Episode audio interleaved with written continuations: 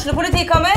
Ine Jansen er purk. Er du purk? The motherfucking bitch. Alt jeg vil, er å finne ut hva som skjedde med mannen min. Jon Carew. Er jeg sikta for noe? Iben Akeli. Det er du. Ole So, Lars Berrum og Big Daddy Karsten. Hvem sin side er du på, egentlig? Anette Hoff, Tone Danielsen, Kommer du fra Afrika?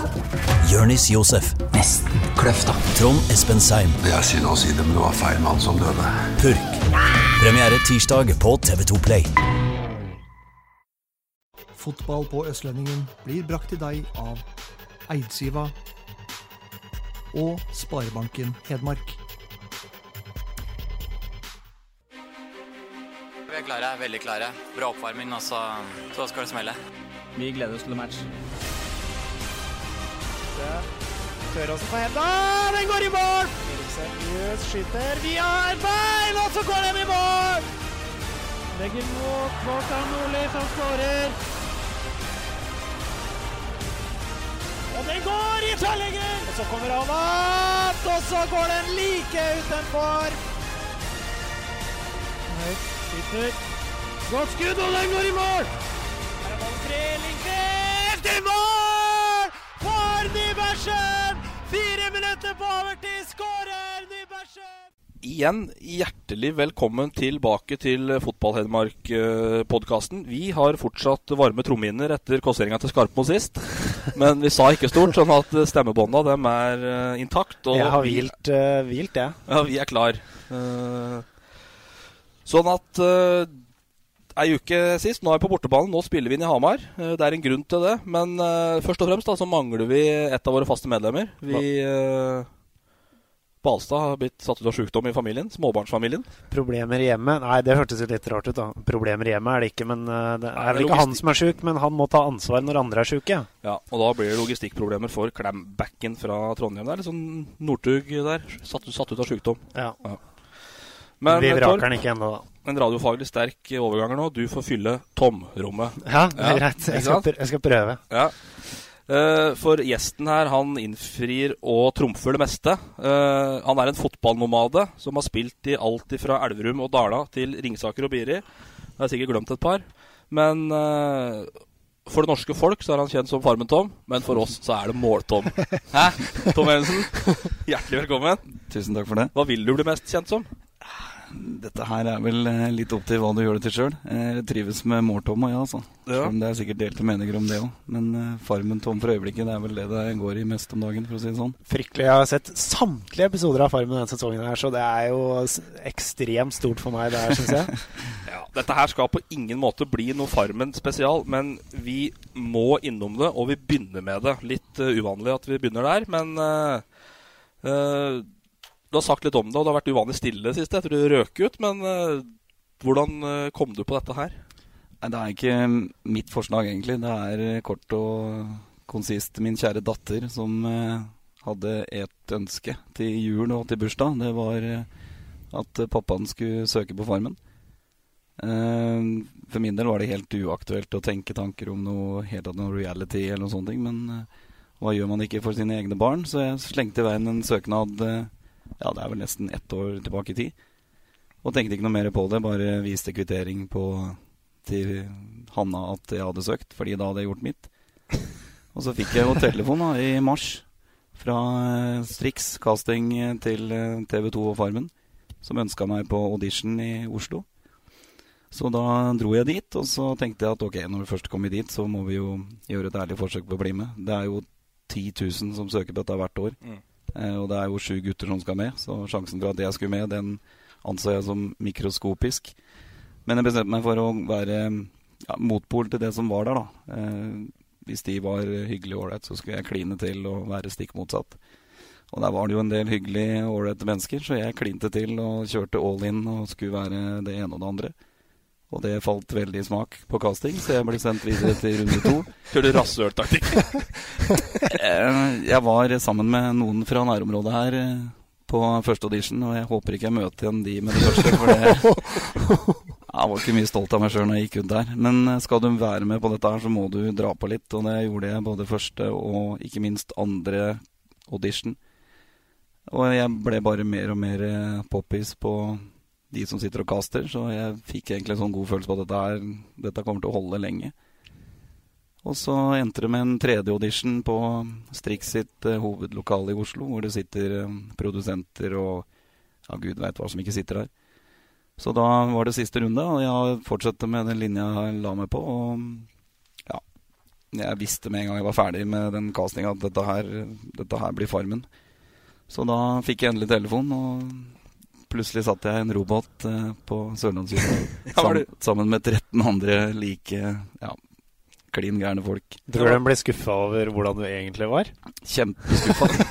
Dritskuffa. Det er ikke kødd engang. Produsenten han var klin gæren på meg. Han gikk forbi meg flere ganger og pekte på meg og sa at eh, du, eh, er du klar over at jeg har investert flere millioner kroner i deg, liksom, så nå må du faen meg steppe opp. Hva er det du gjorde for noe på audition, da? Nei, jeg, jeg solgte meg inn da som eh, sånn smågal trebarnsfar med, som grusa unga i alt som heter spill, og nekter å tape og bare herjer og kjører overalt, og spiller ingen rolle hva du gjør og ikke gjør. Ehm, Det er vel fotballspilleren Tom det egentlig som kom ja, opp der, eller? det var den jeg gikk for, da. Og de hadde jo gjort litt grann research på det. Fordi eh, ut ifra fotballperspektiv, har du sett meg spille fotball, så tror du kan kjenne igjen litt grann av det. Litt ufin. Jeg har hørt og- om det bare. Ja, kan bekrefte den. Så jeg valgte den linja da, og liksom sa at alltid kapteinsevne og tar ledelse og regi og styrer fælt og, og sånne ting. Da. Og på audition så gjorde jeg jo det. Jeg dundra på. Ehm, så han produsenten eh, må ærlig innrømme at jeg tippa han og tenkte nå har vi endelig fått en trebarnsfar som skal rocke her. Og så satte jeg meg rolig på kjøkkenet og lagde grøt og skrelte potet, liksom. Ja, og så kommer du dit, da, og så er det 1917 Ja. med nye klær. Ja. 1917 med outfit fra Ulvang fra topp til tå. Ja. Det var greit å ha med seg, det skal sies. Fordi eh, det var, eh, det var så nitrist vær. Eh, Jeg veit at TV får det til å framstå at det var solskinn eh, 24-7, men det var tristeste sommeren Mm. eh, sånn værmessig. Men eh, opplevelsesmessig var det Ja, det var en eh, opplevelse for livet. Og um, angrer ikke et sekund på at jeg dro. Angrer ikke et sekund på at jeg dro tilbake igjen heller, fordi det er også en opplevelse å få lov til å komme, i, komme hjem. For det var nesten seks uker med total isolasjon.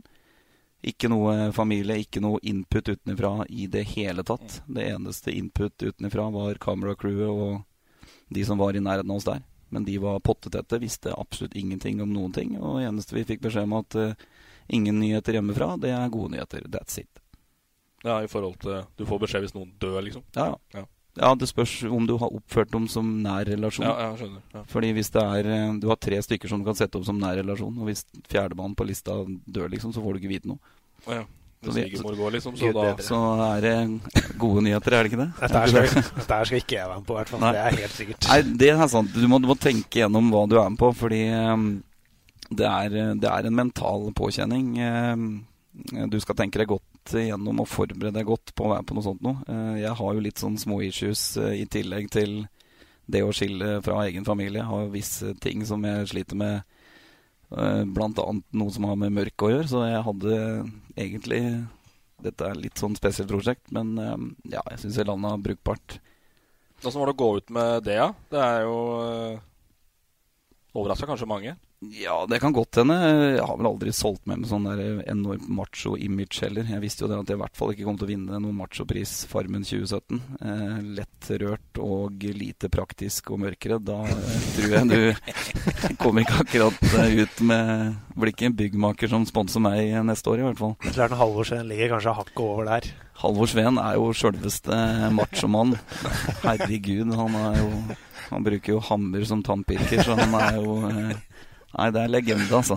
Rett og slett. Ja, det er mange andre som syns det, for de sakene vi skriver om Halvor Sveen, det, det farer av gårde, for å si det sånn. Ja, Det er så genialt når han begynner å dra fram at han skal bruke kjøtthagle og sånne ting. Det er en- en bra mann, altså. Og han, har om, han syns jeg de har klippet fram rimelig, rimelig snilt, for å si det sånn. Fordi han ser jo ut som svigermors drøm faen meg hele tida på TV, og så ja, Han trives off cam, han òg, for å si det sånn. Men eh, det har jo litt mer eh, Vi skal pense Farmen inn på fotball òg. Fordi Ja. jeg har hørt rykter om at eh, det sto vel kanskje en plass at eh, du prøvde å mjølke det kamerateamet der ganske kraftig eh, eh, i serieåpninga. Definitivt. Um, altså, liv, liv, storyen er at du var inne på Farmen, Ja. totalt isolert. Liverpool skulle møte Watford det er i serieåpninga. Det stemmer. Ja. Og det er ikke bare serieåpninga som er kritisk her, det er jo hele oppbygginga med transfer uh, sånne ting. Fordi jeg ble jo Telefonen gikk 24. juli. Da forsvant telefonen min. Uh, så jeg hadde ingenting. Eh, Siste innspurt, liksom. Siste innspurt, ikke sant? Du har sittet 70 ganger i timen og oppdatert på alt, og så er det bare natta stille. Så jeg brukte egentlig all tid som jeg var i kontakt med det som hadde med kameracrew, eller det som var statister og de som var inne der, til å sjekke ut alt. Om det var unge på åtte år, eller om det var mentorskoene, så var det liksom ja, Har du noen fotballnyheter? Det var ikke én som uh, sprakk. Ikke i nærheten. Og jeg, var, jeg har sikkert truffet over 150 stykker, i hvert fall. Inkludert eh, kameracrew og alt mulig sånn. Det var ikke én som sa noen ting. Det er ikke sikkert mentors kone var så offentlig. men uh... Ja, men du veit jo ikke. Plutselig så får du en uh, gammel luring, vet du. Du har jo, uh, kunne jo sitte med noe, i hvert fall. Men uh, altså, lang historie kort. eh, serieåpning, som ble spurt av kameracrew, da. Liksom, for alle visste jo eh, at jeg var fotballinteressert. så ble jeg spurt da, hva jeg tenkte. liksom, Nå er det liksom eh, Nå er serieåpninga over. liksom, Hva tror du? Og så drar jeg jo historia på at eh, Nei, jeg tipper det blir målrikt. Liverpool skal på bortebane, angripe hodeløst. Her blir det mye skåringer, og så tipper jeg vi leder hele veien. Og så slipper vi inn på defensiv dødball, gjerne med litt sånn markeringssvikt og litt sånn keeperkluss. Og så tipper jeg det blir 3-3. Og så ble det bare helt, ja, så ble det bare helt stille, vet du. Og så tenkte jeg faen, hva skjedde nå? For De bare så på hverandre, og så gikk det ett døgn, og så ble jeg kalt inn igjen til det samme kameracrewet. Og så trodde jeg at jeg skulle på sånn synk, da, som heter sånn intervju, og så bare plutselig sier hun der produsenten, da, eller hun lettregi, og så bare sier jeg ok, nå må vi vite, hvem er det av oss som har tysta? og jeg bare skjønner ingenting. Og så sier jeg, hva er det du mener for noe, liksom? Mm, Sier du nå at Liverpool spilte 3-3 i går? Og så vil hun ikke bekrefte det, da. Og så, så sa jeg er ingen som sier noe her, det er helt tyst hele veien. Ok, da sa han Hvem er det du har vært i kontakt med utafor? Har du, har du på en måte stikket av? Har du vært utafor farmen, liksom? Har du oppsøkt sivilbefolkning? Og jeg bare nei, jeg har ikke vært det. Jeg har vært på gården hele tida. Jeg har vært ute og fiska, men uansett, det er ingen båter som stopper. eh, Det er ingen som sier noen ting. Så da spurte jeg igjen da om 3-3 var rett resultat, men hun ville ikke bekrefte det. Men da tenkte jeg ok, det, der traff jeg bra. Men du, du bør ikke være, du bør ikke være Snåsamann da, for å skjønne at Liverpool slipper inn mål på defensiv dødball i en serieåpning og avgir to poeng. Det har jeg sett nok av ganger før. Miguel Britos da, fra Watford skåra inn i 90. På overtid. Hens og offside og gud veit hva det ikke var. Ja. Og så for å litt mer fotballformen. Det er eh, Du har jo Du utvikla jo et ganske tett kameratskap, i hvert fall tilsynelatende, på TV Mhm. med uh, hele Norges Geir Magne, som man uh, jo da har et uh, hat-elsk-forhold til. Mhm. Eh, det er jo sånn med Farmen. Men jeg har skjønt at det er litt mer fasetter inn enn eh, Gud og Jesus. Ja, definitivt. Han er både høyt oppe og lavt nede, han. Men eh, i forhold til fotball så er han jo en Tottenham-mann. Meget interessert. Ja, det ser jeg jo. Men eh, det var jo helt greit å kunne snakke litt om Tottenham enn å bare snakke om Gud og Jesus òg. Så vi hadde mye interessante samtaler om det. I tillegg så har vi Vidar, som røyk i andre uke, som er Chelsea sin offisielle talsmann i forhold til supporterklubben. Ja, han med sånn dreads. Han med sånn dreads. Ja, så han hadde jo, der hadde vi jo en enda mer link-up. Og så har vi jo Amalie Snøløs, da. Alle kjære Amalie, som er tidligere landslagsspiller i fotball. Mm. Så det var jo en bra link der. Mats, som alle husker vel Mats, mannen som skulle ribbe høna før han skulle slakte den. Det er legendeuttalelse nummer én. Han er jo spilt fotball før, så det var mye, var mye fotballfolk der, heldigvis. da Så vi fikk jo døyva litt abstinenser. Men det å ikke vite noen verdens ting Sånn helt uh, seriøst så var det mye, mye verre enn å være borte fra familien. Liksom. Det, jeg savna fotballen enormt. Bare det var kontroll på noen ting. Så det Ja. Ja, For du var ute når innspillinga starta? Jeg var ute Ja. når innspillingen starta. Ja. Eller ikke når innspillingen starta, men når sendingen sen- starta. Sendingen starta, selvfølgelig. Ja. Så hva opptatt var det, f- det første du gjorde når du kom ut av formen? da? Var det å sjekke tabellen i Premier League eller ringe kona? Det første jeg gjorde da jeg kom ut, var å overfalle han produsenten som kjørte meg til hotellet. Og kryssintervjuen fullstendig i forhold til alt som har med resultater å gjøre. Og, overganger. Han er fra Moelven, faktisk. Ja. ja. Så han, eh, han sa det til meg vet du, med en gang jeg kom ut, så sa han du liker ikke vet du. Sånn. Fordi da kunne jeg endelig få lov til å vite noe om han. Ja. Eh, Så han var fra Moelven, han visste litt sånn historikk i forhold til lokalfotball og sånne ting. Men han kunne, han kunne egentlig ingenting om fotball. Det eneste han sa, da var at Rosenborg var i Champions League. Det var det første jeg fikk vite. da. Og så sa jeg bare I helvete, slo de, slo de eh, Kom de dit, liksom? Ja, det mente han. at, eh, Så sa jeg hva med Liverpool, da? Og så sa han nei, jeg tror de møtte et tysk lag, og da visste jeg at de møtte Hoffenheim. Og så faen, da røyk vi der, ikke sant? Så da tenkte jeg ok, da. Det er første nedturen. Ok, vi er i spiller torsdagskveld, liksom i Europaligaen. Så det var liksom første nedturen, og så spurte jeg den hele resten at man kunne jo ingenting. Så da kidnappa jeg telefonen hans når vi kom fram på parkeringsplassen, og så gikk jeg gjennom både Eller de seriene vært, da, inkludert cup og sånne ting. Så jeg holdt jo på å ta livet av han, for det var jo ene oppturen etter den andre. Så det, det var en kickstart på eh, 2017. Det var bra.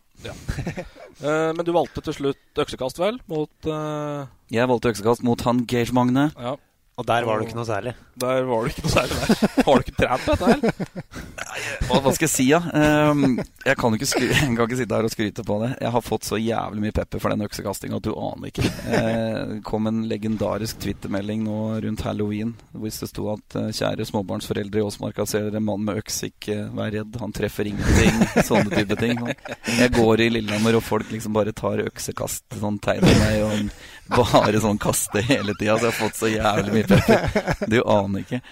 Men jeg tar den. Eh, Jeg får stå for det. Det er nok av vitner som har sett meg drite meg ut på dette her, så jeg får bare ta den. Men det, det var en grunn til det. Det var tomt, liksom. Det var tomt i Det var tomt med køl. Det var tomt med køl. Jeg hadde gått ned ti kilo på fem uker. Eh, siste to døgna så hadde jeg spist én potet, en skive med spekepølse og 100 gram med havregryn. Ellers så skulle jeg ha hivd han nordlendingen gjennom med det hølet på tauet der. Men eh, jeg var flat. Jeg var ferdig. Og eh, jeg så jævlig på ut, men du verden. Jeg var not even close.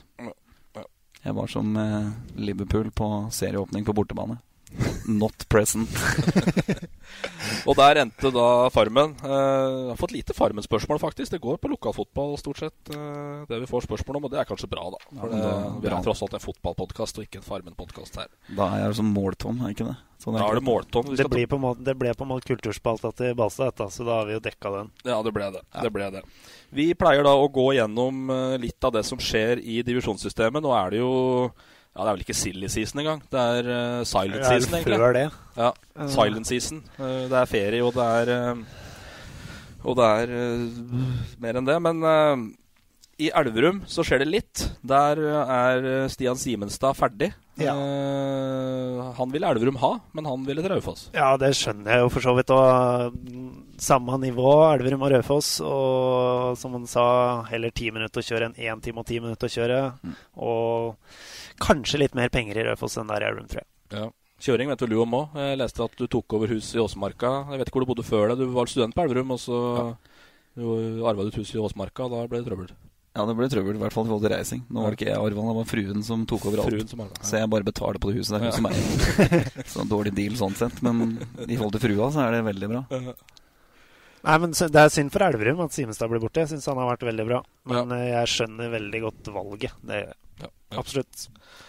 Da ønsker vi han lykke til der, og så vil vi vel kanskje tro at de møtes, de to. Ja. Eh, Det får vi svar om om to uker. Ei halv uke. Ja. Andre, 2. desember må man tune inn på Østlendingen, for da får man siste nytt om avdelingsoppsettet i Post Nord og tredjevisjon.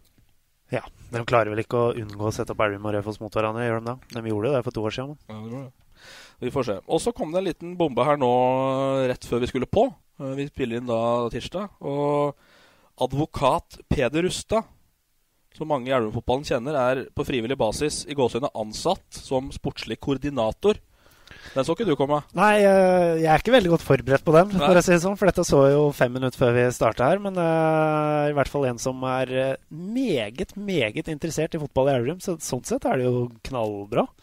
Ja, men det er en stubb fra å være interessert i fotball til å skal hente Ja, nå tenker jeg på at han er villig til å jobbe ganske hardt for det, sikkert. Ja, ja, det uh, uten at jeg vet hvor mye han egentlig jobber på som advokat, ettersom han uh, i sommer var veldig glad i å ta lunsjen på Elverum stadion, for å si det sånn. han har vært litt retten i siste, har jeg sett, men eh, vi får tro at uh, Peder gjør en uh, god jobb og støtter Fossum Uh, skal og bistå med, med, bistå med kontakt og spillere og klubber og diverse, så vidt jeg skjønte. Ja. Så det er jo spennende. Ja. Han var ikke en del av det drømmelaget da, som vi presenterte. Han er vel en sånn super sub, han da. Ja, han var vel i diskusjonen der, så Ja, rykt, ryktene har gått litt. Men Ja. nå er det i hvert fall official. Så Elverum styrkeadministrasjon. Det er vel litt mer adden der nå kanskje når du spil spilte der? Det var vel ikke noe adden da jeg var der. Det var vel stort sett bare rot, for å si det mildt. Det var eh, Granden som stekte vafler to ganger i uka. Det var det det var. Det var det som var lunsj på klubbhuset? Det var det som var lunsj på klubbhuset. For du var i Elverum fra hvis det her stemmer da, 99 til 2002, hvis det stemmer på fotball ennå. Det er vel høyst tvilsomt, men uh, kanskje var lenger òg. Jeg kom vel inn i sommeren 98, men jeg fikk vel aldri noe godkjent overgang. Så jeg spilte vel bare under falskt navn i fjerdedivisjon et par kamper. Ja. Så, uh, men uh, ikke noe mer enn der, nei. Men kom, kan stemme bra, det. Ja. Uh, så går vi litt Vi skal mer innom Elverum etter hvert. HamKam, der er det Egeris, er det det heter? Egeris? Nei, Egeris. det er dansk. Det er dansk. Jeg vet søren. Egeris. Eh, Ja, han, er, han har signert da. ny kontrakt. Så har du skrevet at uh, Bugré er ute. Har ikke jeg Ja. lest plass med Bugré er ferdig i HamKam. Det, leste, det var lagt ut like etter at Egeris var uh, forlenga. Ja. Ble ikke noe suksess da, godeste Bugré.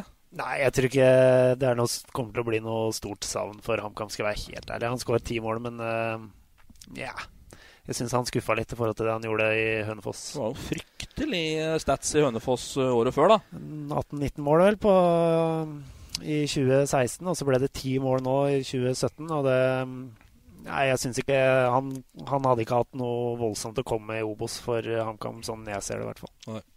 Åpna fryktelig med hat trick borte mot uh, Asker, vel?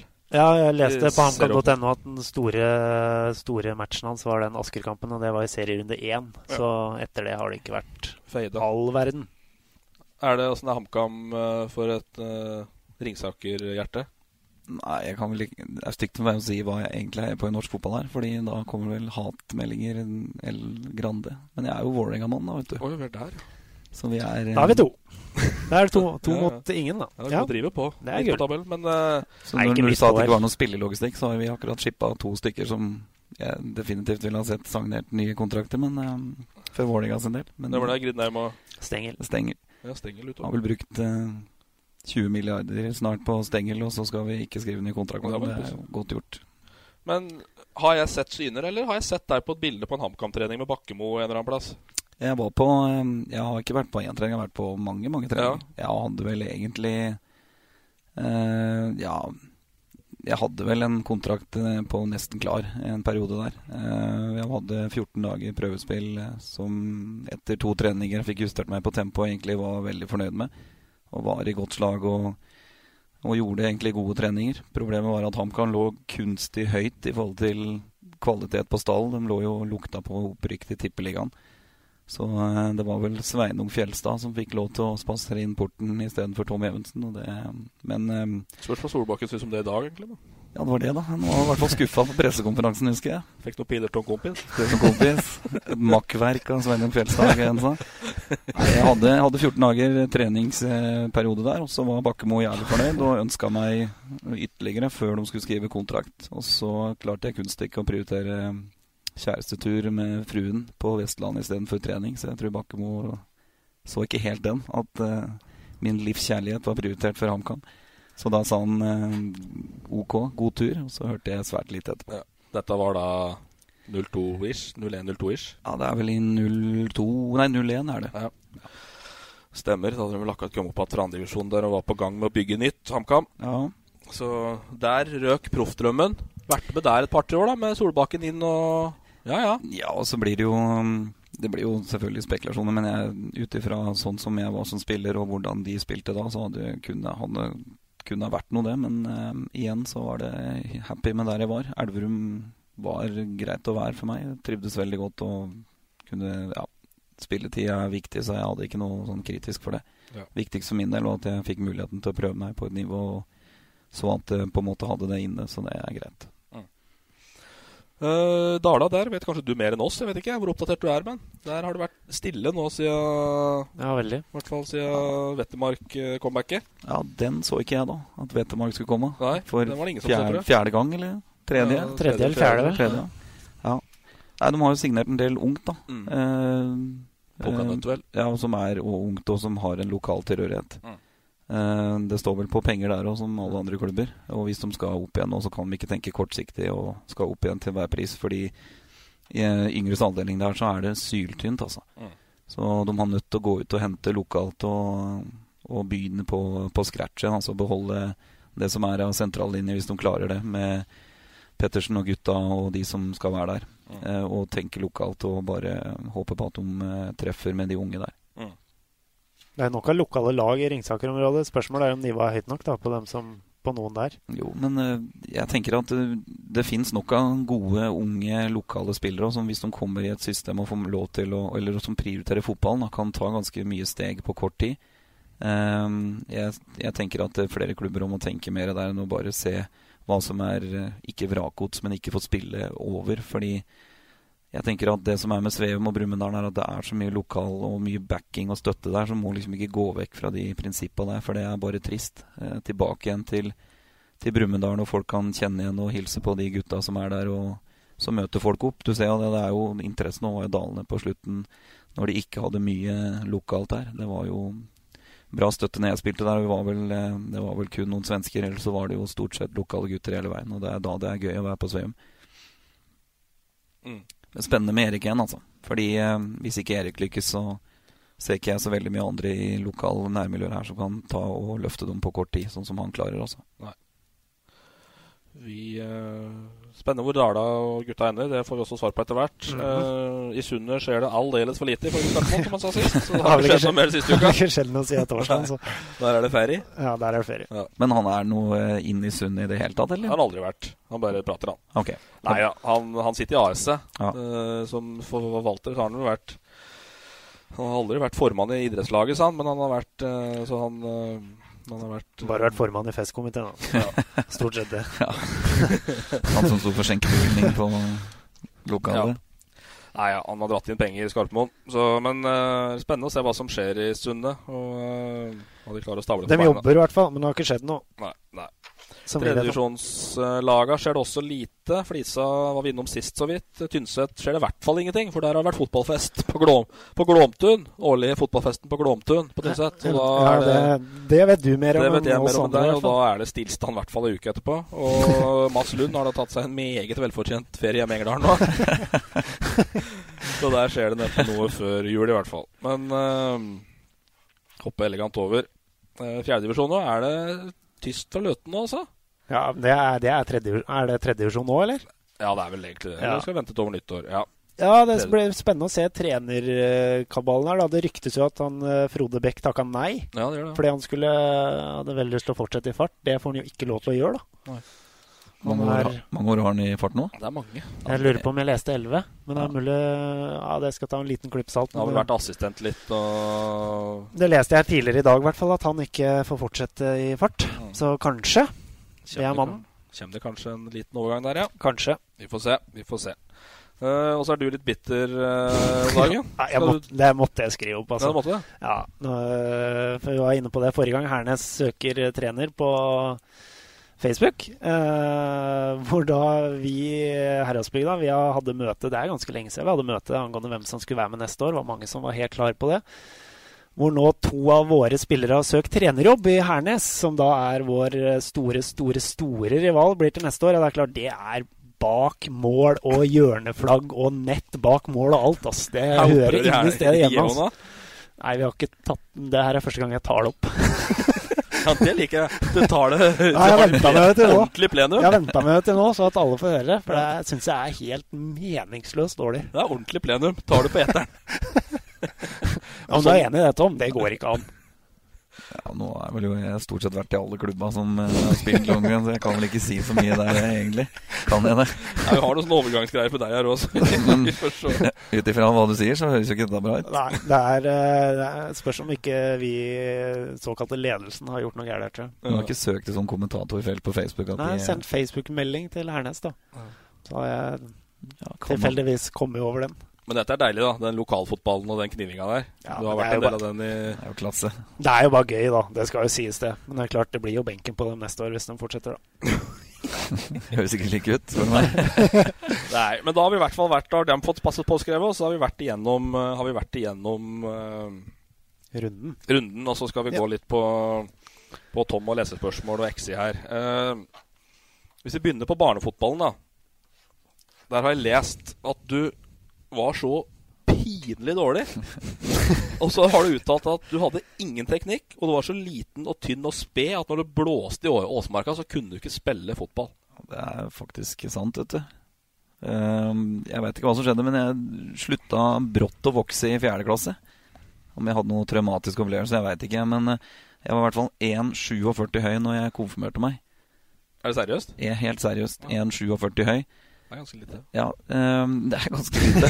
det var selvsagt. Um, ja, uh, så uh, når du da spiller sentral midtbane og ønsker å gjøre det i et lag fullt av skiløpere og folk som uh, ja, er ca. tre-fire huer høyere enn deg, så, så jeg så meg ikke helt Eller jeg så meg sjøl som fotballspiller, da. Og så tror jeg de fleste rundt meg sa bare av ren barmhjertighet at de så noe i meg, men det er skandale. Jeg var elendig. Hadde, hadde litt løpskraft. Kunne løpe ett eh, fart ganske lenge. Eh, men jeg hadde lyst, da. Det er ganske viktig å si. Men eh, patetisk fotballspiller i yngre alder, altså. Jeg satt på benken i Altså på juniorlaget i Åsmarka, liksom. Da, da, snakker vi. I Åsmarka. I Åsmarka, Skjønner du. Da, da, jeg hadde vært der, bare kjørte på vei til Sjusjøen. Det er liksom to fartshumper, og så er du ferdig. Det er sånn plass du bare kjører forbi. Det er jo det. Men, Men når skjøt det fart, da? på en måte? Nei, jeg begynte, begynte, å løsne litt. da Begynte å få litt grann eh, dun og litt, eh, litt muskulatur. Men jeg, når jeg debuterte i Åsmarka, så var jeg vel gammel var jeg da? 17 år, tenker jeg.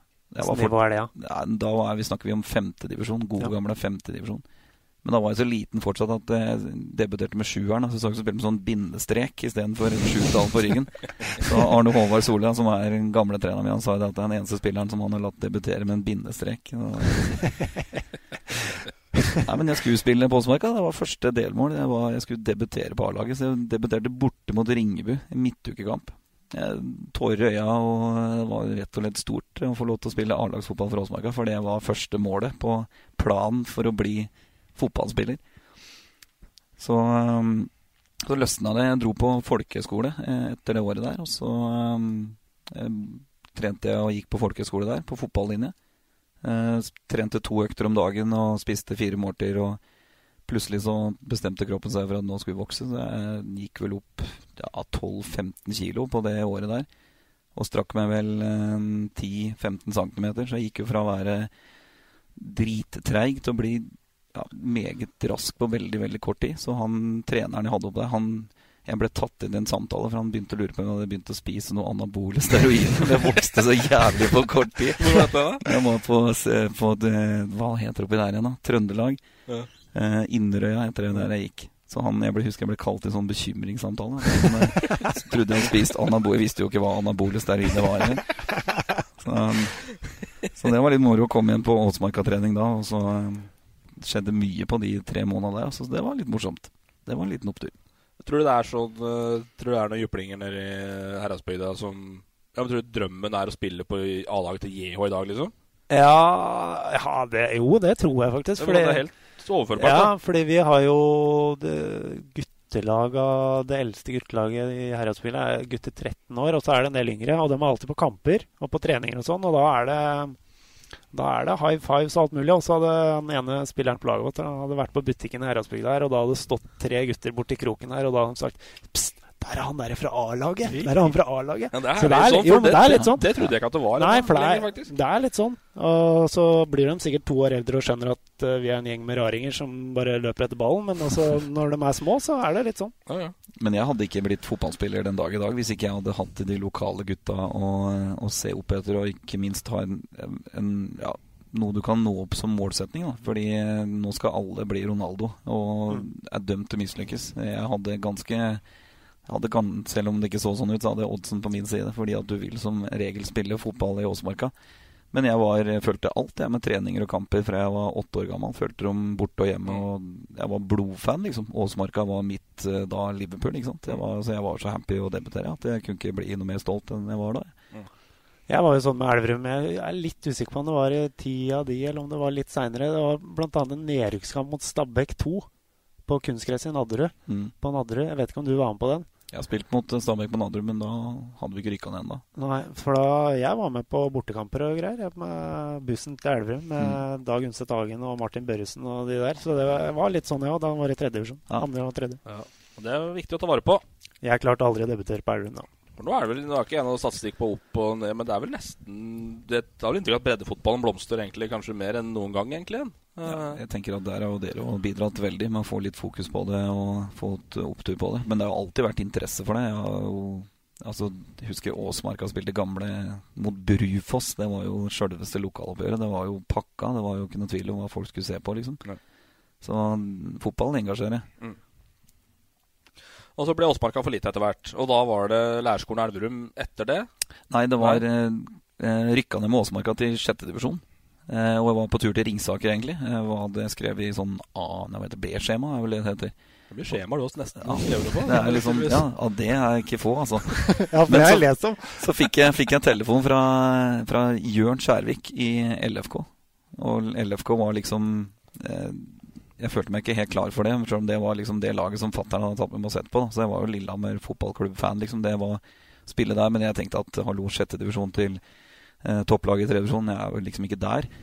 Men så tok jeg med brutter'n på trening. Eh, han òg var eh, klar for klubbskifte. Og så var vi på innetreninger i Håkonshall. Eh, spilte der. Og så fikk jeg litt sånn opplevelse av at dette her var jo ikke Det var jo bra, selvfølgelig. Det var jo grei opptur fra nedrykk i sjette divisjon til, eh, til LFK. Og så gikk det veldig bra. Så ville de skrive kontrakt, så da beklaga jeg pent til Ringsaker, og så skrev jeg under for for LFK. Så jeg gikk fra nedrykk i sjette divisjon til å spille sånn eliteturnering i Håkonshall mot Vålerenga og Lyn på, på to måneder. Så jeg hadde bra karriereboost på kort tid. Så det var en bra opplevelse for en eh, liten tass fra Åsmarka. Og da var du blitt biff, så da Det var ikke biff, det er feil å si. Nå, nå er jeg litt mer nedsigen biff, men jeg var ikke der. Da var jeg mer lett i steget og på tå. Men eh, tok nivå, da. Det er ganske greit. mm. Så ble du der i et år eller to. Ja. Og så ble lærerskolen. Ja, så ble lærerskolen. Hva er det du? Fruen eh, tvingte meg ut i utdanning. Jeg var egentlig klar for litt sånn fotballiv på Lillehammer og jobbe litt i baren på Nikkers og klarte meg egentlig helt utmerket der. Jeg får gi kona kudos for det da i dag. ja, men det var, hun, hun heiv meg inn. Først måtte jeg ta videregående, for jeg hadde en kokkeutdannelse i bånn. Så det var ikke noe å gå på lærerskolen med det. Så hun tvang meg til å ta sånn konsentrert allmennfag på ett år. Ja. Og så skulle vi ha med til Elverum, så allerede da satt i ganske stramme tøyler, altså. Ja. Det er bein nesa på der, skjønner jeg. Ja, voldsomt. Det. Ja. Det er, jeg har egentlig ingenting skal ha sagt. Jeg bare følger etter hun, sånn sett. Ja. Så, men eh, for all del, Elverum var jo genistrek. Det er jo beste tida mi både på fotballbanen og så ikke minst sosialt sett. Elverum er en helt strålende by.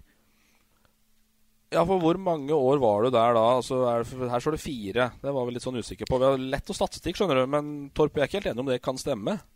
Nei, fordi på den adelskalenderen står det at du har 29 mål fra Elverum. Det hørtes lite ut, syns vi. Ja, det hørtes da Ja, jeg lite ut. må da nesten For det var en artikkel vi fant fra gamle dauer der det sto at du hadde skåra 20 mål på én sesong.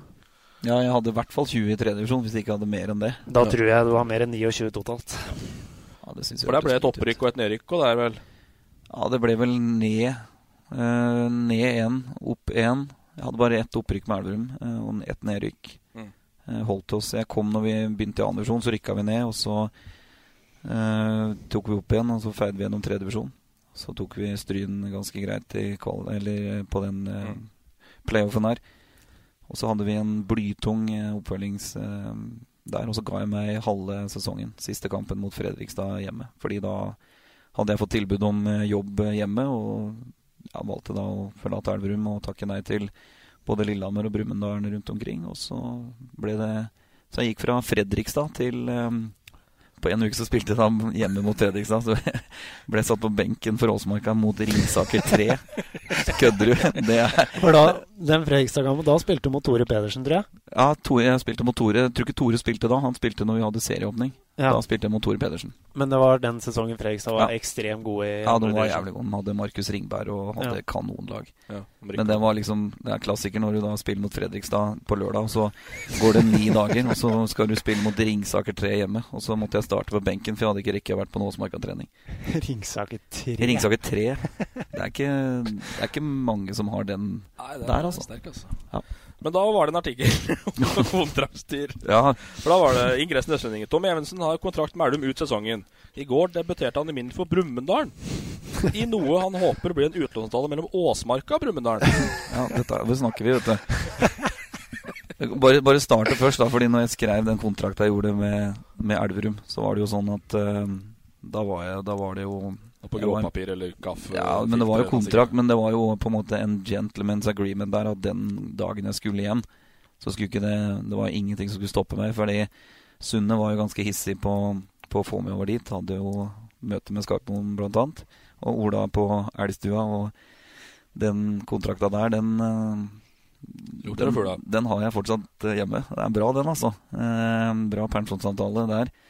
Men jeg valgte Elverum og, eh, for å være lojal mot at hvis jeg skulle hjem en dag, så skulle ikke det være noe problem. Og så eh, jeg, var det jo avtalt at jeg skulle hjem, og det var ikke noe overraskende for dem. Jeg sa fra ganske tidlig at jeg, at jeg valgte det. Og så kom Brumunddal og lurte på om jeg ville være med og bare spille en treningskamp for dem, liksom. Så tror jeg vi dro Tror vi spilte på Tynset eller noe sånt, på treningskamp, eller hvor vi var hen. Og så var det jo selvfølgelig Jeg var jo fortsatt bra trent og bra shape, så jeg gjorde en grei innsats der. Jeg tror jeg hadde mål og målgivende for Dalar og sånne ting. Og så ønska de å ha meg der. Da fikk jeg jo litt sånn kjøring, og det var jo litt mer attraktivt enn å spille i Åsmarka. Men så sa Brumunddalen eller Elverum, at det går ikke. Men jeg var ikke klar eller skrive noe sånt. Det var bare, skulle bare hjem, liksom. Så ble det et helvetes styr. Så sa jeg nei, vet du hva, det, vi dropper dette her. Så da ble det Ringsaker 3 på benken i stedet for. Tabloid Østlendingen der, altså. Følger ja, dramaet rundt Ja, men det var jo latterlig vinkling på den. Det så ut som det var en dolking i det ene og det andre. Liten hei hei tante Teksum der, ja. Mm. Jeg, skal ta, jeg, skal ta, en historie om noen journalister i Østlendingen etterpå. Og spør om å bipe. Blir før min tid, dette. Ja, men du har sydlands temperatur, siste. Til temperament. Ja, det kan stemme, det. Jeg har jo snever, eh, dårlig selvinnsikt, da, vet du. Jeg ser på meg sjøl som veldig hyggelig og fair play-mann på banen. Men eh, etter jeg ble fotballtrener sjøl og begynte å få spillere som jeg hadde spilt imot, da, som skulle liksom komme og spille under meg, så var det jo Det var nesten uten uttak. Så var det sånn at Når de fikk høre at det var Tom Evensen som var treneren, så var det nesten sånn at Han er jo ikke god. Han er jo den største tosken jeg har spilt mot. Så ønska jeg ikke å signere for klubben. Så jeg var sånn Hæ, kødder du, liksom? Jeg trodde jeg var den mest joviale hyggelige fyren. Men det er for å bli svart, liksom? eller? Ja, det, det er den kjeft, kjeften da, som går hele tida. Jeg tenker jo ikke så mye over det sjøl. Og så er jeg sikkert uh, ja, litt uh, små, små hissig, da. Så ja. Men sånn er det. Ja, det får vi ikke gjort noe med. Nei. Men uh, jeg var, så la jeg merke til på en del av bildene Det var sånne klassiske blå Diadora skruknottsko. Det var klassiske sko. Ja, det var klassiske. Med 18 millimeter. Ja, ja. På ja, beste sko jeg har hatt. Og fryktelig strak rist. De ga jeg bort etter jeg rykka opp eh, med Elverum mot Stryn. Ga det til en uh, guttunge på Elverum som sto der med blinkende øyne og skulle ha sko. Ga det bort. Jeg syns det var bra gesting. Er. Aldri sett dem før. Jeg begynte å lure på om det var meg. Men det er, men det er, ikke, det er ikke, det det. er ikke det. Jeg fikk skoa til Dag Undset Hagen. Oh, ja. Han spilte alltid med Copa, han gjorde ikke det? Ja, Copa Mondial. Og så hadde han ett par med sånn Diadora som var noen sånne eh, neongule striper på. Dem har jeg hjemme ennå, tror jeg. Han kunne jo Rune kjøpt jo alt til, vet du. Han Dag må få nye sko! ja, fikk jo alt. Hadde jo nye sko hele tida. Det kan jeg se for meg, ja. ja det... Bortskjemt, altså. Det er ikke noe sjokk. Nei. Andre ting Elveruma som det, det var en bra tid, skjønner jeg. Det var, det var en bra gjeng på den tida der. Ja, veldig bra igjen. Meget bra garderobemiljø. Ja. Vi bodde jo stort sett i denne garderoba der. Vi kom jo lenge før treninga begynte og etterpå, så det var deilig tid. Eh, du nevnte noe om administrasjon i stad. Jeg har jo en kontrakt fra Elverum òg som er legendarisk skrevet av en eh, tok over som daglig leder på sånn bilbutikk. Eh, så vi var liksom hørt at alle var så fornøyde at vi fikk han som formann og sånn. Jeg husker ikke helt hva han heter nå, men han, han kunne mye. Men å skrive fotballkontrakter, det, det eh, kunne han virkelig ikke. I hvert fall ikke i et sånn økonomisk eh, perspektiv. Så jeg fikk eh, jeg tror jeg bare slengte ut på kødd at jeg skulle ha 500 kroner per mål og assist eh, den sesongen jeg skrev under. Og det var uproblematisk for han. Eh, så sa jeg at ok, det, du veit at det gjelder treningskamper i tillegg. Ja, det var også uproblematisk for han. Eh, I tillegg så fikk jeg 500 kroner per straffespark. Eh, og jeg fikk 5000 kroner sånn lojalitetsbonus, pluss at jeg hadde tre og et halvt, i hvert fall, hvis ikke det var mer. Så før vi begynte sesongen, så hadde vel jeg regna på at det var 75 000 som Elverum allerede da skyldte meg. Så når vi gikk konk, da Vi gikk jo selvfølgelig konk så det dundra Jeg fikk jo bil òg, vet du. Bilavtale fikk jeg jo i tillegg. Så vi gikk jo konk eh, til sommeren. Og da husker jeg at jeg og Trond Olav Lie skulle på ferietur til Langesund. Og begge, både jeg og han hadde jo bil. Og da var det sånn at vi måtte stikke av med bilen fra bortekamp for å komme oss på ferie. Så sto liksom kemneren bare og venta på at vi skulle levere bila. Så vi skulle komme på ferie, så var det bare å stikke av fra bortekamp for å komme oss til Langesund. Var det ikke Mo som hadde en story om Lie som var på europaferie med bilen? Da? Ja, det er helt sikkert. Det Stemmer det. Det stemmer det. Så jeg tror jeg hadde, jeg hadde egentlig et gjeldskrav til Elverum fotball på nesten 100 000 kroner i utbetalt lønn. Men jeg gadd aldri å levere noe fordi det var liksom, jeg visste at det var ikke snakk om noe penger. Men da, det sier litt om den spillergruppa der, fordi jeg var jo student, ikke sant. De, og da var det sånn at jeg tror det var en 7000-8000 kroner eller sånn. Og da var det sånn at jeg fikk en del av det, da, bare for å kunne reise på ferie, liksom. Så det, jeg takker for det. Så sånn økonomisk sett og trygghet så hadde kanskje Sundet vært en grei overgang, men eh, vi spilte jo ut sesongen, alle oss og ingen som fikk noen krone etter det. Altså. Så det, det var ikke derfor vi spilte der. Nei. Og så ble det litt eh, Brumunddal igjen. Ja. Og vi lurte litt på Du var med det på de opprykkskampene mot Flisa. Mm. Det var 09 vi snakker da. Ja. Ja. Men da, det var andre perioden i Brumunddal Ja, igjen. fordi var- først, første perioden som ble henta, eh, da spilte vi eh, Bra historie der, vet du. egentlig. Det var styremøte på Sveum. Og så skulle Brumunddal 2, nei, Brumunddal 3 var det, som skulle spille mot Åsmarka treningskamp. Og så skulle, satt styret bare så på første gang. Og så golla jeg fem mål for Åsmarka i første gang. Eh, Og da gikk de inn og tok på et styrevedtak at eh, Tom Evensen skal til Brumunddal, liksom. Og så ble jeg oppringt eh, etter kampen og bare Du skal hit. Hvordan skal vi legge til rette for at du skal komme her? Og da hadde jeg liksom tatt på meg å være spillende trener for Åsmarka med en kompisgjeng, da. Eh, og, men vi hadde sagt at hvis det var noen unge spillere, at vi hadde noen unge spillere, og hvis noen var interessante for noen høyere klubber, så var det liksom greit. Og så var det liksom treneren da, som fikk det. Så var det liksom Men det, da var det sjette divisjon igjen. Men da sa jeg det til Brumunddal at ok, det er greit, men da skal klubben ha 10 000 kroner i overgangssum. Eh, Så jeg tror, er jeg tror faktisk jeg er den eneste kontraktsløse sjettetronspilleren som har blitt betalt 10 000 kroner for i overgangssum. Så da sto det på årsberetninga i Åsmarka sånn inntektsgivende tiltak. Loddsalg 600 kroner, spillersalg 10 000 kroner. Så det er ganske happy for den, altså. Det er nesten statue sterkt, i Åsmarka. altså. Ja, det er bra. Du skal selge mye lodd for 10 000 kroner. Altså. Så da gikk jeg til Brumunddal. Og så spilte jeg, husker jeg spilte første runde NM tre uker etterpå. Da dunka vi ut i Gjøviklyn borte, og da skåra jeg alle fire måla. Så da gikk jeg fra sjette divisjon og treningskamp mot Brumunddal 3 til å spille første runde i NM og ta Gjøviklyn. Så det skjer fort i fotball. Ja, spesielt for deg, da. Det er jo flere vendinger her. Det har Det var fryktelig mange sånne overganger fra sjette divisjon og plutselig det ene og det andre. Ja, det er eh, Gripe muligheter, da. Det er viktig å ta dem. Ja, ja. Men har du aldri Hva er den der nomadetilværelsen? Er det litt din skyld? Har du liksom aldri blitt satsa ordentlig på, eller sett ordentlig, eller på en måte fått roa, liksom, til å Ja, altså Nå spilte jeg jo fotball, A-lagsfotball fra jeg var 17 til jeg var 34. Og da rekker du liksom en del klubber på det. Eh, og så har jeg jo flytta på meg. Eh, Elverum er for så vidt greit nok, og så kom jeg tilbake. Og så ble det Dala der, og så gikk Dala ned, og så ble det Lillehammer igjen på en periode der. Og noe som var helt naturlig for min del, fordi på en måte det er liksom det som er moderklubben min. Og så var jeg ferdig med å spille fotball, fordi jeg ønska å få en trenerkarriere. Eh, og ønska veldig sterkt å bidra i LFK. Men de ønska meg kun som spiller, og ikke som trener. Så da sa vi eh, takk og farvel til hverandre, og så ble jeg kontakta av Ringsaker ganske kjapt etter det, så da ble det ett år der.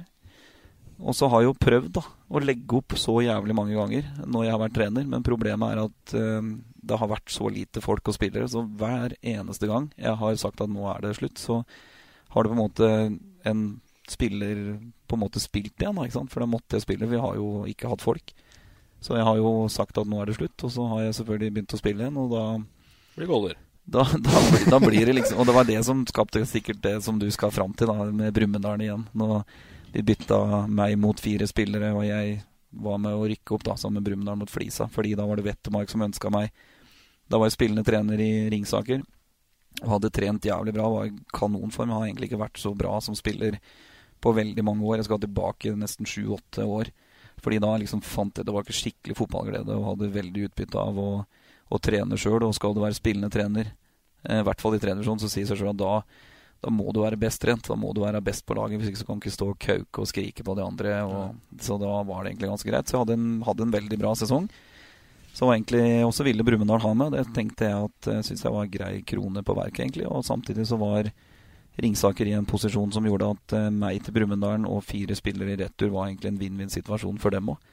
Ikke sikkert alle så den like klokkeklart som jeg gjorde, men eh, sånn ble det. Da ble det bytte, og så ble det nytt opprykk med Brumunddal.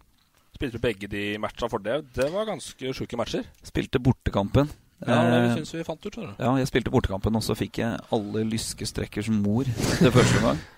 Så jeg var helt, helt ødelagt. Og så dro jeg på behandling her i Hamar og fikk en Brexidol-kur som, eh, ja, som ikke har vært borti maken. Så jeg spilte 70 minutter på hjemmebane.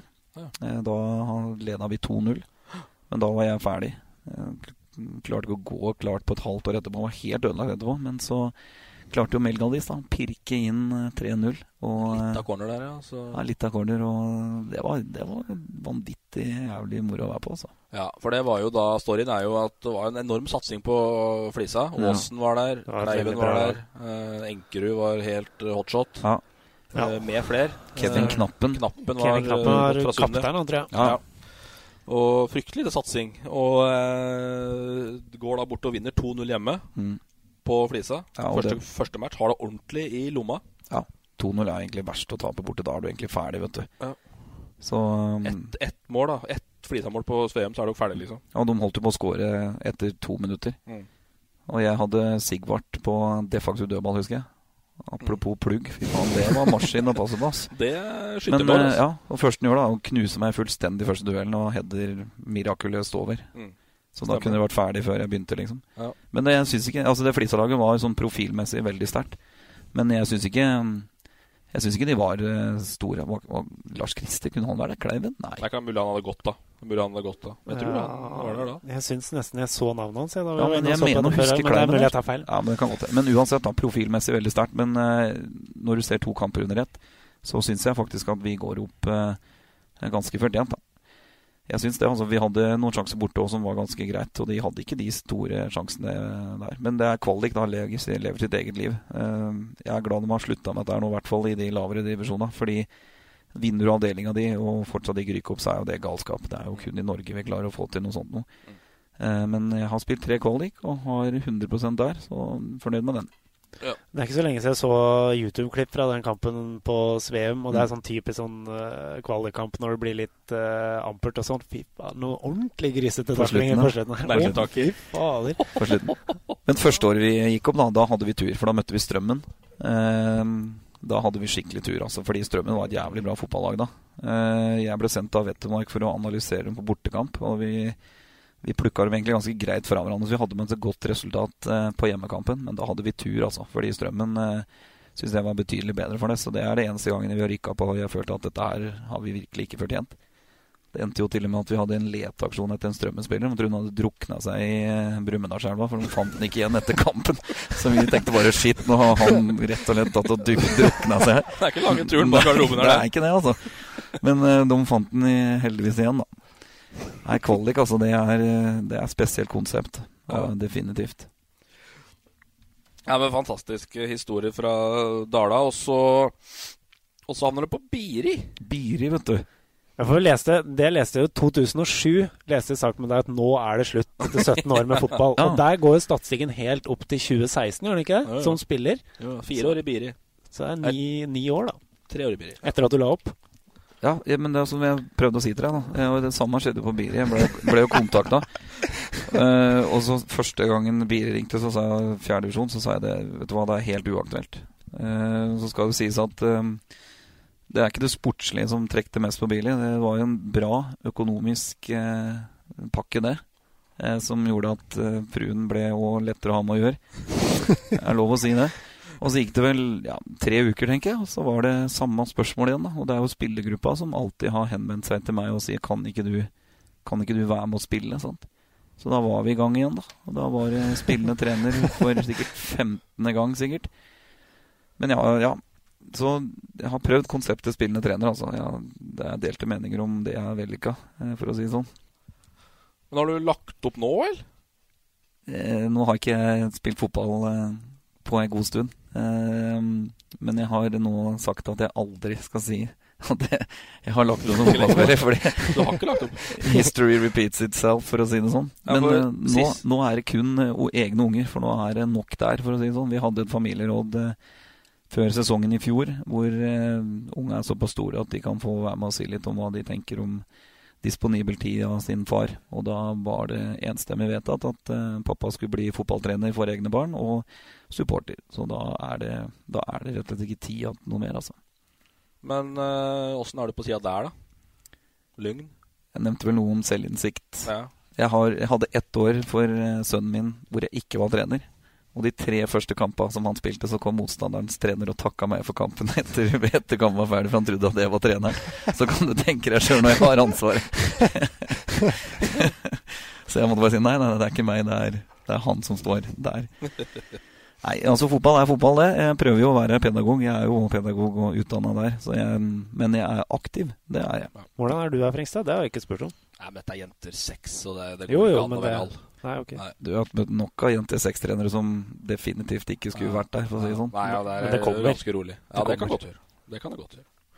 Uh, vi må over til uh, de røde fra Mercyside. Mercyside. Det Åssen er tida nå i forhold til at han skal se fotball? Nei, vi rekker det. Vi har hatt en liten halvtime her. Jeg kjører fort fra Hamar hjem. Eh, Men det er Justice of the 96 på, på arma, og den velkjente You'd Never Walk Alone-forkortelsen. Mm -hmm. uh, dette er lidenskap på fryktelig høyt nivå. Ja. Dette er eh, det eneste livet mitt som jeg ikke har kontroll over. Enkelt og greit. Jeg har prøvd helt seriøst å distansere meg fra det, fordi at det har ødelagt så ufattelig mye helger og kvelder og timer. Men det går ikke. Det er eh, Jeg har rett og slett fortapt meg i den eh, klubben der, altså. Enkelt og greit. Men hvorfor er det sånn at en, veldig mange i din generasjon er så ekstremt lidenskapelig på Liverpool? Altså Jeg kan nevne Anders Brunken, jeg kan nevne Kim Erlandsen, jeg kan nevne Kent Stenseth. Mm. Und so weiter. Mm. Altså, det, har- det har jo litt grann å gjøre med at det var jo det store laget på slutten av 80-tallet. Men når jeg virkelig begynte å heie med dem, så hadde jo Sunes eh, begynt å tatt over. Mm. Så jeg skal ikke få eh, for det at jeg er noe sånn der eh, Jeg er ikke sånn klassisk United-fan som heier på dem fordi at de er United og vinner alt, liksom. Jeg er ikke det, altså. Så jeg kjøper ikke den i forhold til det. Nei, for min del så er det blanding av historie eh, og ikke minst supporterkultur som er veldig sterkt for meg. Det er derfor jeg òg er en en engamann i fotball. Fordi jeg er fascinert over trøkk og tribuner og sang og supporterkultur. Og blander du det med, med fotballklubben og hvem som er der, så Og når du da endelig får reist over og får besøkt denne praktfulle plassen her, så er det point of no return. Da er du bare solgt. Så nå klokka inn 25 ganger på Anfield nå, eh, når jeg var der og så United parkerte bussen der i fjor. Um, Det bør ikke komme som en overraskelse. nei, nei. Eneste som var overraskende, var å diskutere med United-fans etterpå. For de hadde faktisk ikke parkert noen buss. De hadde faktisk prøvd å spille attraktiv handelsfotball igjen. Så nei, Liverpool det er kommet for å bli. Heldigvis så har ikke min kone stilt det ultimate om at du må velge mellom meg eller eh, klubben. For såpass sosialt eh, oppegående er altså det. Du er vel ikke på plussida på ferie og fri nå, sikkert? Jeg er lite. Jeg prøvde med, med det, da. At jeg har jo ikke brukt noe penger i sommer, sa jeg da. Men det funka ikke, det. altså Ja, Sommeren er bra økonomisk, sikkert. Sånn. Ja, bortsett fra at uh, hvis du Det kosta meg en uh, 50 000-60 000, tenker jeg, det oppholdet her. Pga. tapt arbeidsinntekt og litt sånn. Ja, for Fordi, du, du får ikke noe tilbake? Jeg må få dekt tog tur-retur Arendal. That's it, liksom. Så det var det. Nei, Men nå skal jeg ha med hele gjengen, fordi det er jo sånn at uh, mine unger skal få velge hva de vil uh, i alt mulig rart, bortsett fra akkurat det som har med hvilke lag vi heier på. Fordi å ha en sønn eller datter som vokser opp som Unnskyld, men som f.eks. en United-fan, det er for meg helt meningsløst. Så nå er det hele familien som skal over. Vi må bare få fruen til å dra kredittkortet, så er vi klare. Ja, herlig. Men jeg liker jo at du øh, Vi husker jo alle 2005. Yes. Hva gjorde du da? Da var jeg her i Hamar. på tyrkisk restaurant eh, på, eh, som et lite vorspiel og drakk meg forholdsvis eh, klar for kamp. Så så jeg på sportspuben her første omgang. Eh, så var jeg på tur hjem. Med ordentlig mørkt, ja. Ja, ordentlig mørkt på 3-0. Så gikk jeg hjem, for jeg skulle ligge lås Rune Bue Johansen, som eh, bodde her på Hamar. Så da tenkte jeg at det er lurt at jeg bruker den tida hjem, så jeg kan være i samme rom som noen eh, etter kampen. Og så begynner det å tikke inn meldinger på 3-1. Så ringer hun på 3-2. Eh, og på 3-3 så får jeg jo panikk, sant? fordi da må jeg tilbake igjen. Så jeg, jeg tar faktisk og kidnapper en bil, altså. For å kjøre meg ned tilbake på, på, på sportspuben her. Det var Abdujoni da alle som kom kjørende i bilen sin. Abdujoni? Abdujoni, da. For jeg, han, jeg la meg, jeg la meg i veien, så bilen måtte stoppe. Liksom. Og så pirka jeg på ruta hans, og så skulle tegnet var at den skulle få ned ruta. Og så, så vil den jo ikke, da. Så, så, viste jeg at jeg knuser ruta her liksom, hvis du ikke sveiver ned, fordi jeg skal inn i bilen din. Så jeg tvinger han faktisk til å kjøre med den Jeg var helt sinnssyk, vet du. Så når vi kommer ned hit da, på Hamar igjen, så skjønner jo det at uh, jeg er vel stygt å si at det er en likbleik Abdi Odin som sitter ved siden av meg, men han var i hvert fall livredd. For med en gang han slappet meg, så bare spant han av gårde med hjulspinn og full pakke. Så de da, da var jeg ikke beregnelig resten av kvelden, altså. Nei, det var en uh, fantastisk opphenting, og en uh, selv for en United-supporter kan se at det måtte ha vært litt gøy. Ja. Så var, jeg, så var jeg på semifinalen uh, i 2005 på Anfield. Ja. Så jeg var ringside der sammen med Stensetten, blant annet. Det er riktig. Ja, det kunne vi snakke om i timevis, for det, det var, det var sjukehus, det. Herregud. Ja. Uh, var det da du kollapsa, eller? Ja, kollapsa vel litt grann på betongen der. Jeg hadde, fordi når eh, var det Gudjonsson som tar ned ballen, så kjenner jeg at nå kommer du til å score. Så jeg bare la meg helt flatt på betongen eh, for å bare høre på Chelsea-fansen. Så er det en sånn halvfeit scouser som bare banker med ned betongen, og så bare skriker 'It's not a goal, it's not a goal'. Og så var det sju tilleggsminutter, faktisk, på den kampen der, før han blåste av. Så var det finale. Men jeg liker jo enda, altså Tyrkisk restaurant Abu Odin er god historie, det. Men uh, i 07 så dro du på stortromma. Da var det å kakke hull på Kulturfondet. Da var det Kulturfondet. Da skulle vi egentlig til Aten, og det kosta vel ikke mindre enn 25 000, tror jeg. Billigste jeg fant.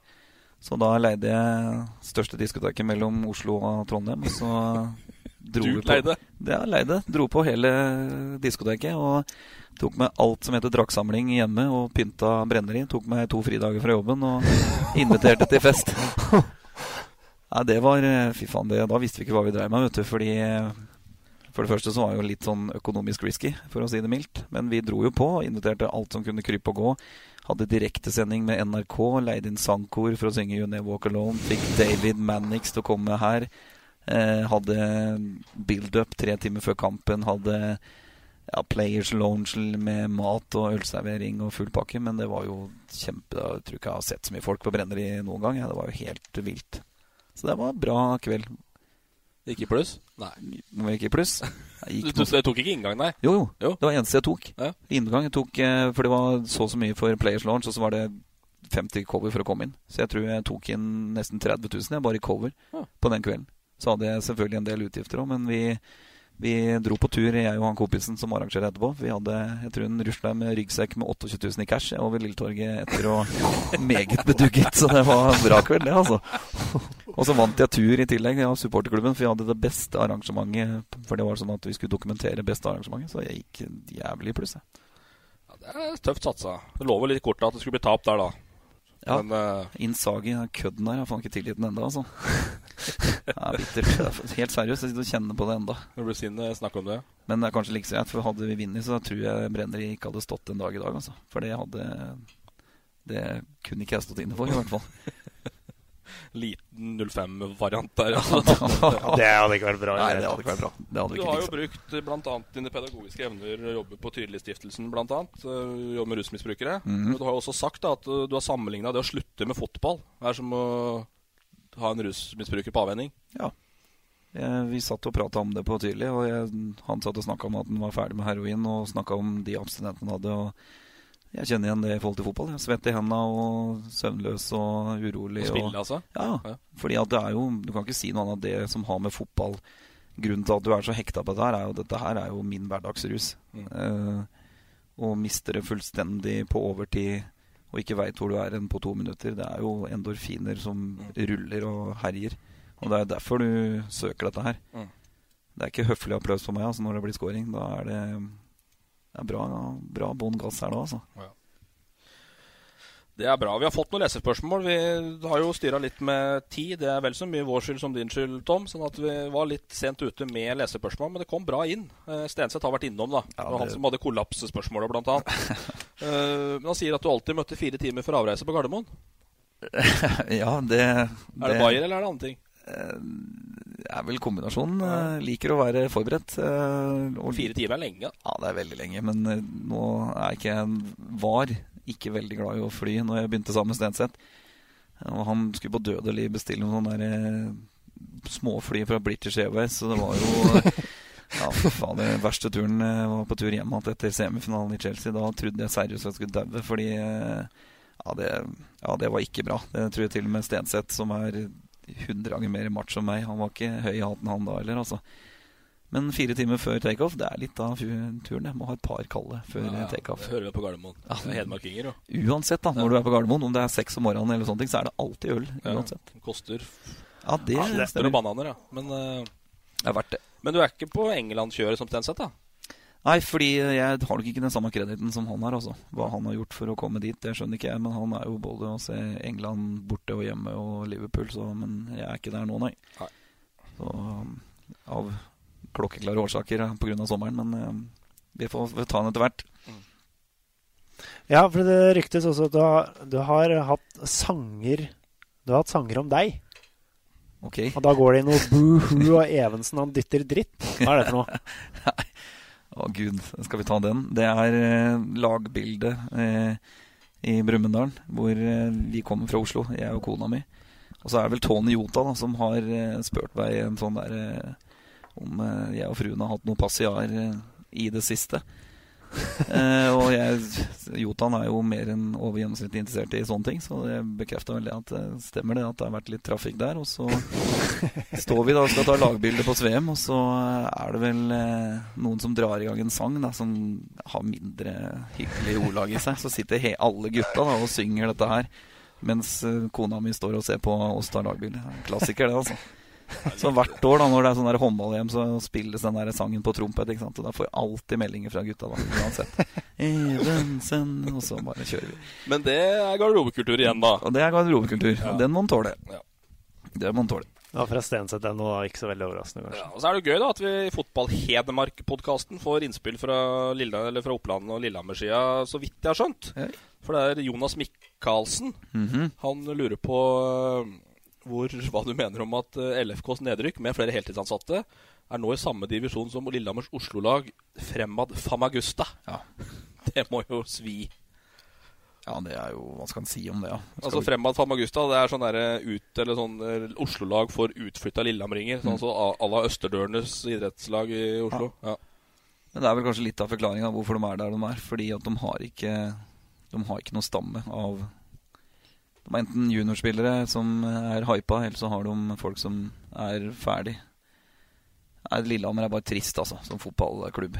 Eh, Det er jo en Hva skal du si? Ja, å være på det nivået de er nå, med et inn- innbygg, innbyggertall på 30 000. Det er jo Det skal ikke gå an, altså. Det, det skal egentlig ikke være mulig å ha heltidsansatt sportssjef med fortid eh, der hvor Morten Kristiansen kommer fra, og har henta trener med erfaring fra der, og, og klarer å rykke ned med dette her. Det, det er jo dessverre bare å gratulere, men Lillehammer blir aldri en fotballby før de får flytta, flytta der de er fra nå, komme seg vekk fra friidrett, ishockey, ski og alt mulig, og skape seg noe eget og ha en identitet. Hvis ikke så blir det bare der. Og så går det tre-fire år, og så er Fåberg som blir klubben å satse i. For de har kulturen, de har anlegga, de har eh, historikken, og de har folk i styret som har lyst på dette her. Og det må jeg bare si som eh, LFK-gutt at det er bare trist, altså. Dessverre.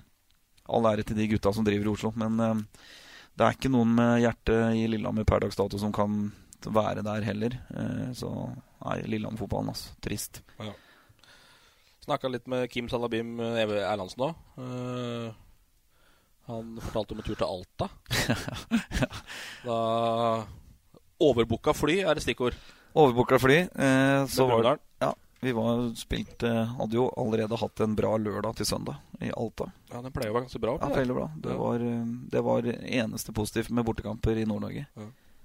Men eh, Barilla bar, eller? Ja, jeg husker ikke navnet på den. Jeg bare, Klassiker i Alta. Jeg bare husker hun ene dama som eh, kom til meg og spurte om vi skulle danse, og så bare så på gifteringen min, og så sa hun 'Jeg skal jo faen ikke danse, du er jo gift'. Det var liksom det jeg gikk etter, Jeg gikk opp alle gutta til en uten giftering. Hun var der. Nei, det var kort historie. Det var eh, Vi måtte ha to frivillige for å ta kveldsfly. Og så var det fotballferie på meg og Erlandsen, så det var eh, Det var egentlig en no-brainer. Vi valgte frivillig å steppe out to the line, og så fant vi første, første baren, og så ble vi sittende der, da. Eh, Problemet var at vi holdt jo på å misse kveldsfly, fordi det var jo hur gøy som helst. Så det var bare dritflaks at vi kom oss på hun dama som jobba i baren, måtte stenge og kjøre oss på flyplassen. Ellers hadde vi ikke rekke det. Var gjestfri da i Alta, det. Ja, veldig, altså. Bra fotballag, da. Men uh, vi tapte vel 4-2, tror jeg. Ja. Tapte stort sett uh, Fryktelig tøft oppe i Finnmarkshallen her. Ja. Så var det en liten historie bare fra Liverpool at det var trøbbel med å finne hotellet etter en kasinotur på Albert Dock. Ja, det var ikke bare én gang, det. Nei. Det er lett å Hvis du går gjennom Albert Street, så um, Ja, det hender seg at uh, du må ta fram noen visittkort og si 'Hvor er dette her hen? Hjelp, lei meg hjem'. Ja. Ja. Men problemet var vel at eh, du hoppa inn i en taxi, og så var hotellet ved siden av. ja, jeg har hatt uh, noen bra korte taxiturer. Men det har vært verdt det, da, for å si det sånn. For det er ikke sikkert jeg hadde kommet fram hvis det ikke hadde vært for den taxien. Eh, to kjappe til slutt før vi går over på XI-laget ditt, eh, Tom. Mhm. Eh, Jan Sverre Moe lurer på om du er fornøyd med hagesaksa hans. Ja, Magisk mann, altså. Jeg tror jeg aldri har vært så forbanna på én spiller eh, som Jan Sverre Moe. Han lagde så jævlig mye frispark. Og så lærte jo aldri heller, da. Eh, interessante var jo Var den hagesaksa? Ja, den, ja. Ordentlig scissors. Ja. Jeg møtte den én gang, eller to ganger, tror jeg, som motspiller. Og har blitt utvist begge ganger. Du? Nei, ikke jeg. Han, selvfølgelig. så det er jo 100 Alltid på- alltid på Ja. Han spilte på Ullkisa, og så fikk han gult kort tidlig. Og så sa jeg til ham du nå, gutten, nå må du ta det med ro, liksom. Og så gikk det han bare selvfølgelig med leppa si og kjørte på. Så skitt, to gule rett ut.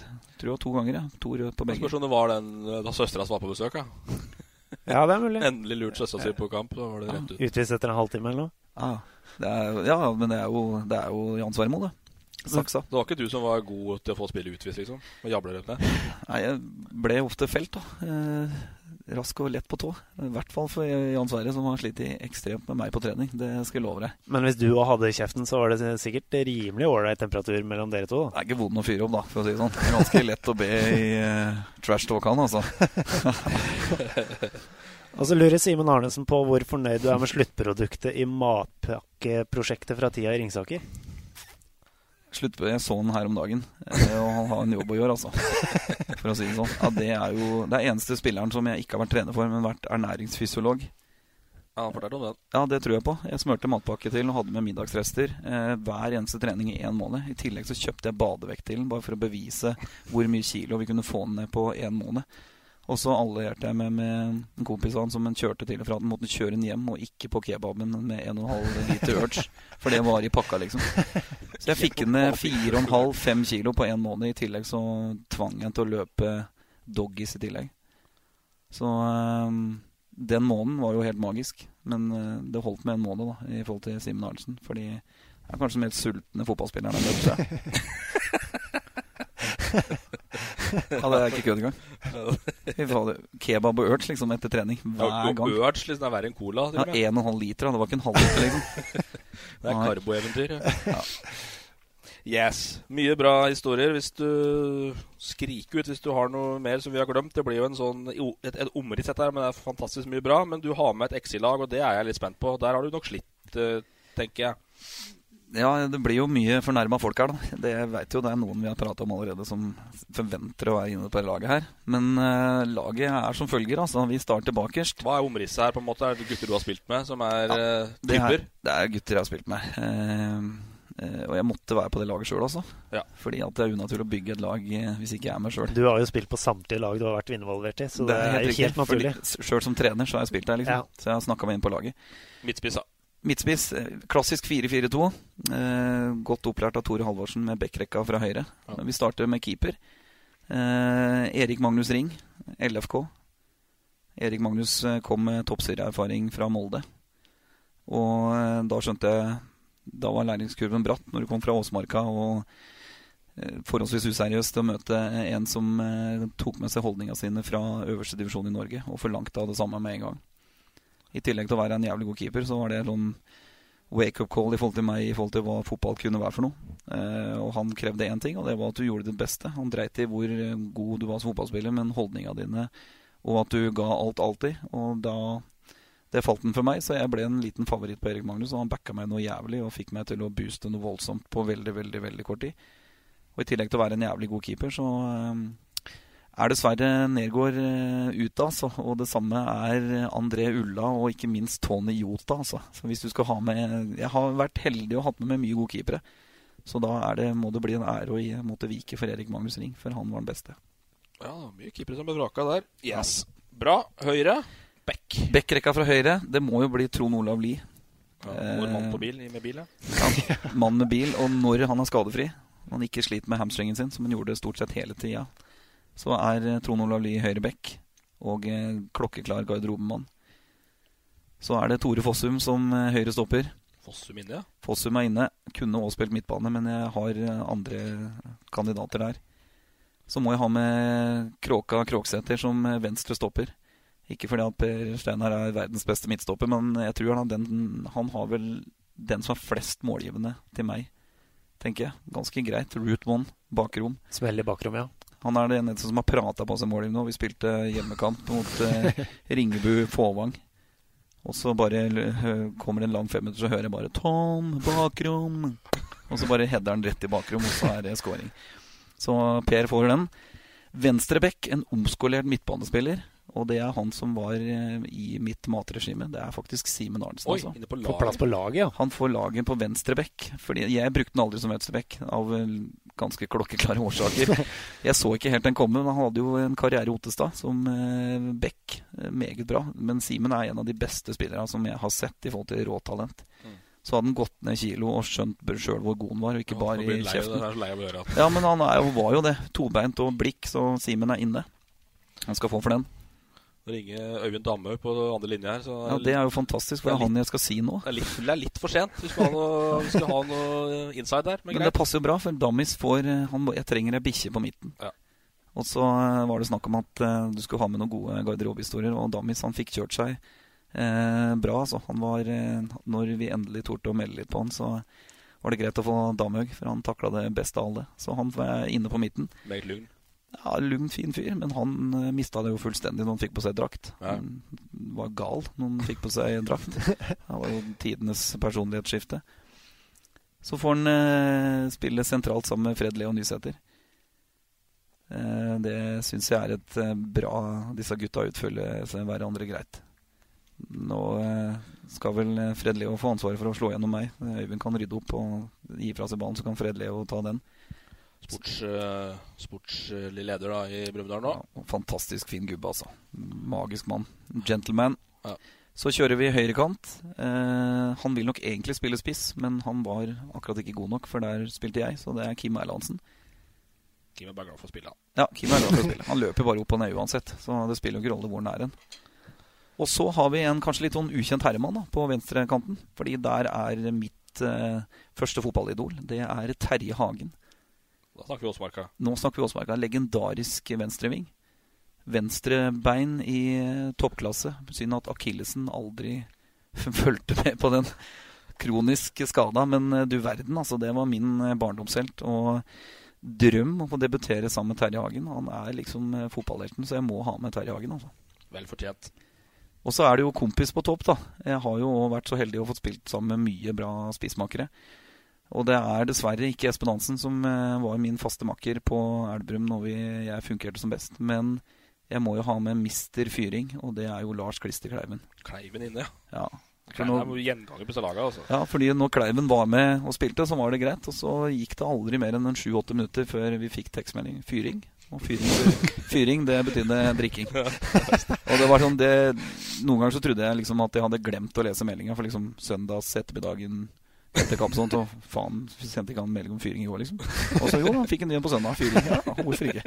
Så Kleiven er, i tillegg til å være en habil målskårer, også en eh, god mann utapå banen. Kleiven tar duella, og du bare virrer rundt. Ja, vi er nok glad i å styre begge to. Begge to endte jo opp som stoppere òg, så vi kan liksom snu her. Så kan vi dytte fram Fossum og Krogsæter når det kniper, liksom. Kleiven var jo også på Mo sitt Alexis Exi. Der kunne kanskje du ha vært òg? Ja, det har gjort det. Jo vært både foran og bak baren der. Så det stemmer. Ja, men det er, Da gikk vi glipp av Damhaug sine historier, for han har sikkert også noen, uh, Tom. Men uh, Helt sikkert. Helt nå nærmer sikkert. vi oss halvannen time, og du skal spøle opp av Tåsmarka for å rekke Liverpool mot Sevilla. Sevilla. Ja, God tid ennå. Og ikke ja. er det noe uh, ubetalt anrop fra unga her heller, så det ser lovende ut. Det ser fryktelig lovende ut. Ja. Men det har vært uh, fantastisk hyggelig å ha deg her. Det har jo det. Veldig hyggelig Fint å bli spurt. Hamar, dette. Ja. ja. Var det ære, skrev du? Definitivt. Ja, så bra. Dette her er jo uh, Men du mente òg det var på tide, gjorde du ikke? Ja, jeg syns jeg kan drøye det lenge nå, altså. Ah, ja. ja. jeg synes det. Men det var uh, Og det er mange Ringsaker òg som har venta på Ringsaker-gjester. Vi har vel hatt uh, én tidligere. Ja. Den, han heter så mye som Truls Jevne Hagen. Stemmer. Så det har vært to, to kjappe Ringsaker-gjester her nå, så da forventer vi stor lytting i vår mest folkerike kommune. Da får vi spre det glade budskap. Nei, Det var veldig koselig å bli bedt, gutta. Dette setter jeg veldig pris på. Strålende. Så skal vi, vi har inn et par nå før vi gnur på. Og vi har sagt at vi er ikke fremmed for å invitere folk tilbake igjen. Og vi skal diskutere mer fotball når det blir et mer aktiv idrett òg. Til sommeren igjen, for vi skal fortsette med dette. Så ja, det skal vi. Jeg stiller på meget kort varsel. Strålende, Tom. Kanskje da, vi skal ta en tur til Åsmarka neste gang? Ja, Kanskje det hjem, Liten hjemmebos der, ja. Jeg har, jo, jeg har jo 40 kvadrat kjeller med, som er meget, meget fin, altså, som er egentlig kledd for podkast, syns jeg. Det er sånn Liverpool-bar? Ja, def, definitivt. Jeg, måtte, jeg fikk ikke bar fordi eneste fruen hadde at det måtte være seng der. For det må bli gjesterom. Jeg hadde lyst på bar, så ble det en seng, selvfølgelig. Du ser jo, jeg er jo totalt kjerringstyrt, så det, det er ikke noe håp.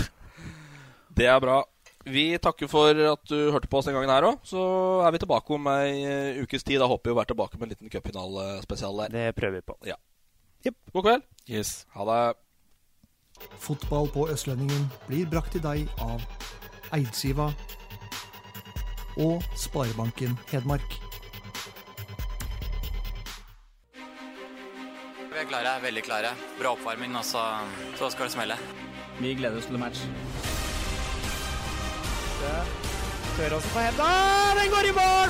Seriøs skyter har et bein, og så går den i mål! Legger mot Kvartan Nordli, som skårer. Og den går i tverrlegger! Og så kommer han opp, og så går den like utenfor. Nei, sitter. Godt skudd, og den går i mål! Her er ballen fri. Lindqvist i mål! for Nybergsen! Fire minutter på overtid skårer Nybergsen!